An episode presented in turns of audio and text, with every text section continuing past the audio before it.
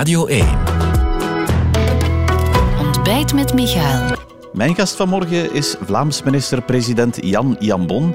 Hij zat gisteren mee in het overlegcomité dat die zware beslissingen nam, onder meer om de horeca te sluiten, om zo de uitbraak van het coronavirus tegen te gaan. Radio 1. Ontbijt met Michael. Goedemorgen, goedemorgen ook eh, Vlaams minister-president Jan Jambon. Goedemorgen. Uh, ja, en, uh, gisteren een dag met zware beslissingen. Mag ik dat vragen? Slaapt u dan na zo'n uh, dag? Ja, dat is moeilijk, omdat, uh, omdat je natuurlijk uh, heel, die, heel de film van die dag natuurlijk uh, opnieuw overloopt en ook ja, nadenkt welke gevolgen dat nu gaat hebben de volgende weken. hoe we een en ander moeten opvangen en zo. Dus het werk is niet gedaan. Op het moment dat je de beslissingen neemt, dan begint weer een nieuw, een nieuw traject van werk. Dus nee, het was een korte nacht. Ja, de belangrijkste beslissing, de, de zwaarste beslissing is natuurlijk het sluiten van de horeca. Uh, ik begrijp dat u daar geen voorstander van was. Uh, het was cafés en restaurants, hè, de hotels. Ja. Uh, dus cafés en restaurants. Wel, laat me zeggen, dat was um, um, denk ik de moeilijkste beslissing die ik uh, in mijn politieke carrière al heb, heb moeten nemen. En op een bepaald moment liggen alle maatregelen op tafel. Um, en ja, dan moet, je, dan moet je zeggen, gaan we, gaan we hierin mee? en ik denk, de cijfers zijn van die aard dat geen maatregelen nemen, dat dat niet aan de orde was. Cijfers zijn ook van die aard dat je kan zeggen dat 10% van de bevolking op dit moment besmet is. Bijvoorbeeld uh, in het Universitair Ziekenhuis in Antwerpen er, um, test men alle patiënten, dus ook degenen die binnenkomen, ik zal zeggen voor een mm -hmm. gebroken been. En daar blijkt dat 10% van, van die mensen drager zijn. Uh, dus, de, dus in de horeca komen die mensen elkaar tegen, bewust of onbewust. Dus dat daar, een, dat daar een zekere logica was. Maar de consequentie voor de horeca is natuurlijk enorm. En die afweging. Um, maar dan denk ik ook dat we, als we gisteren er niet in geslaagd waren als um, regeringen in dit land om tot een pakket van maatregelen te komen, dat dat ja nog honderdduizend keer erger was. Dus um, ik denk in het geheel van de maatregelen is dat zeker en vast een verdediging. Dus u verdedigt die beslissing nu ook wel om dat te doen? Natuurlijk verdedig ik, uh, uh, natuurlijk verdedig ik die beslissing. Ik zeg het in het geheel van de maatregelen. Um, denk ik dat het, uh, dat het maatregelenpakket in staat moet zijn om dat virus nu terug te dringen. En daar gaat het tenslotte over. Je moet ook niet vergeten dat wij een uh, bijzonder zware inspanning doen langs Vlaamse kant en terecht om die horeca te ondersteunen. Dus ik denk als je al die dingen bijeen neemt, um, dat het wel, um, dat het wel moet, moet leefbaar zijn. Maar dat het een zware, moeilijke beslissing was, dat gaat u mij niet horen ontkennen. Ik vraag het u ook omdat er meteen reactie kwam, uiteraard uit de horecawereld. En gitzwarte dag noemde zij het. Maar ook uit uw partij. Ik heb heel veel van uw partijgenoten zien twitteren. Dit is ja, onaanvaardbaar, onuitlegbaar. Zelfs uw eigen minister Zwaldemir. Maar ik begrijp die eerste opwelling. Ik begrijp dat. Uh, dat is natuurlijk... Um, dus het is een moeilijke beslissing en wij gaan daar als politici de volgende dagen mee geconfronteerd worden. Je kent die mensen van de horeca, je kent de, dus die gaan ons, die gaan ons natuurlijk uh, ter verantwoording roepen. Dus dat is niet zo leuk. Uh, ik uh, heb wel ondertussen begrepen van Horeca Vlaanderen dat het steunpakket dat Vlaanderen op tafel legt, dat dat uh, toch soelaas biedt. Dat is ook de bedoeling van dat steunpakket. Dat we, kijk, we hebben altijd gezegd, de bedrijven die in goede doen waren voor de crisis, die willen we door de crisis doorhelpen. En dat blijft ons, dat blijft ons motto.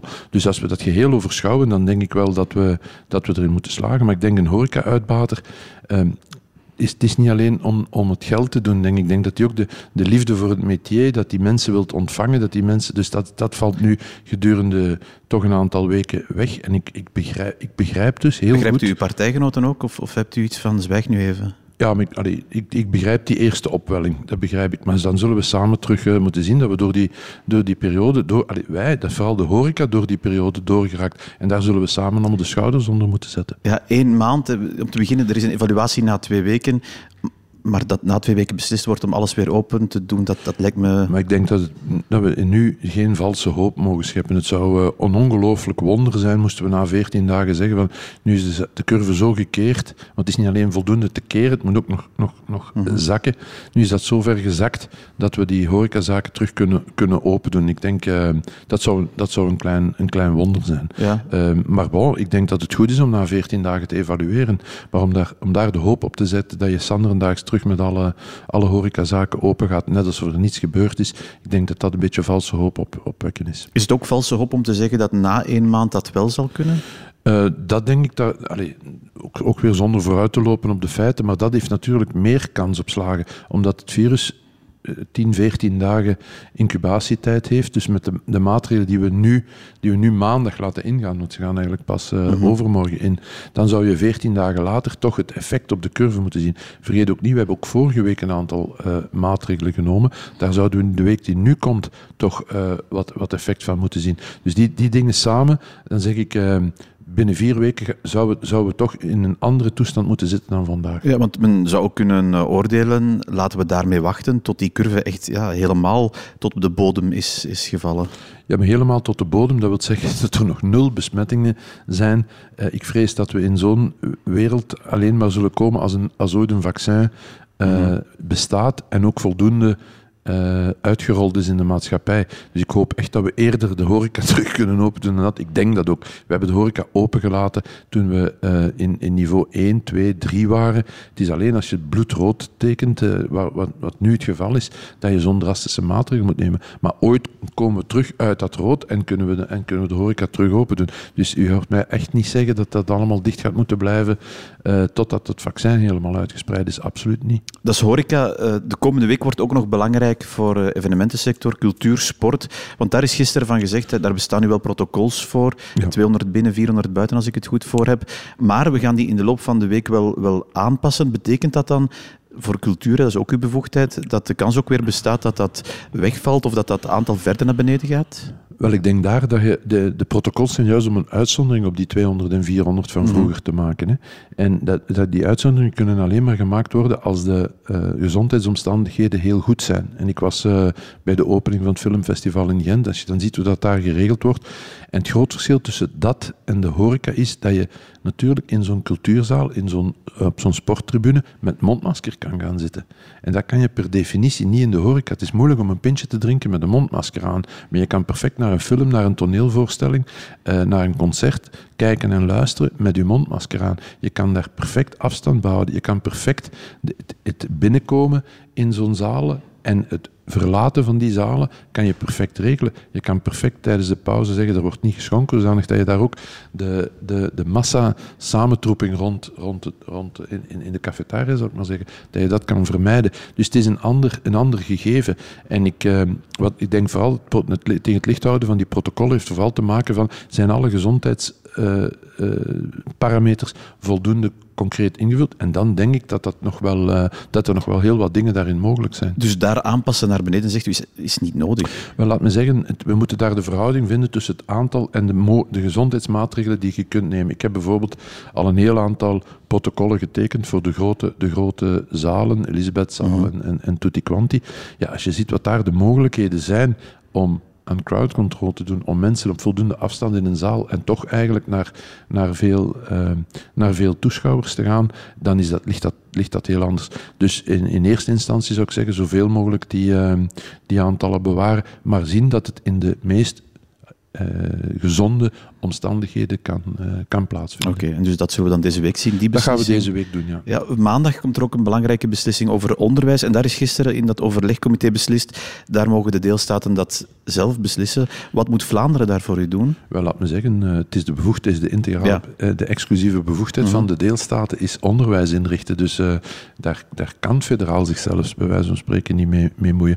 Nu, de, onze minister van Onderwijs, Ben Wijts, heeft al contact gehad met zijn Franstalige uh, collega. En dus het, uh, wat daar op tafel ligt, is om uh, inderdaad het aantal studenten die fysiek les volgen, om dat drastisch te beperken naar 20% capaciteit, maar vooral met focus op de eerstejaars.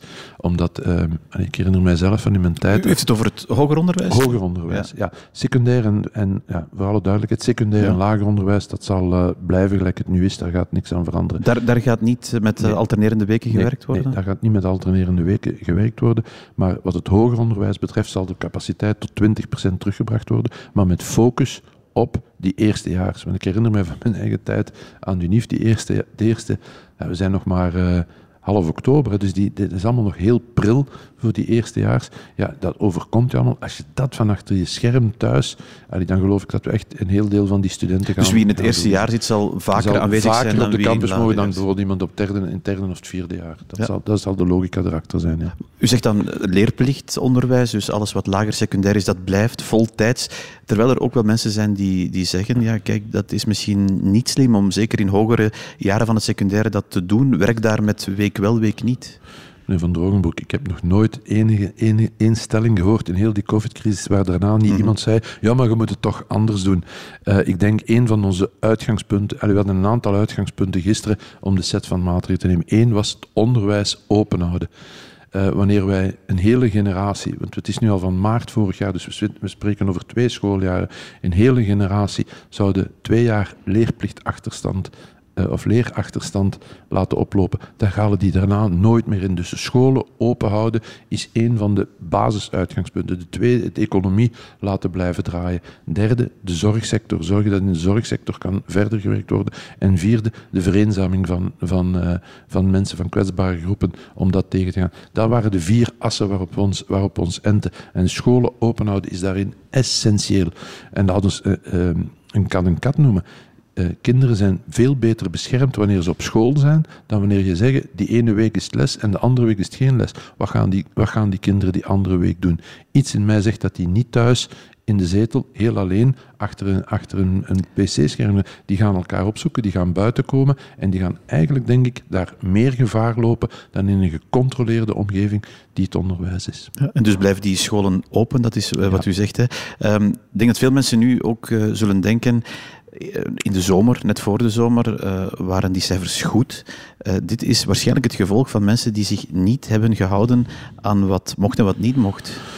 Ja, de, daar hebben we natuurlijk voorbeelden van gezien de afgelopen mm -hmm. tijden. Dat, uh, dat het voor sommige mensen moeilijk is om, om zich aan de regels te houden. En dat dat dan daarna consequenties heeft voor heel de maatschappij. Dus dat is mijn oproep nu. Van, als we allemaal vinden dat dit harde maatregelen zijn, laten we ze dan zo correct mogelijk opvolgen dat die periode waarin we deze maatregelen moeten handhaven, dat die zo kort mogelijk is. En dat kan alleen als iedereen zich aan de regels houdt. Dat is mijn heel uitdrukkelijk ja, oproep. We weten ook dat niet iedereen dat doet, hè, dat Hm. mensen hardleers zijn. Ja, dat weten we allemaal. Dus, is er ook, uh, dus zal er ook specifiek op handhaving ingezet worden, nog veel meer dan ervoor. We stellen bijvoorbeeld die nachtklok in.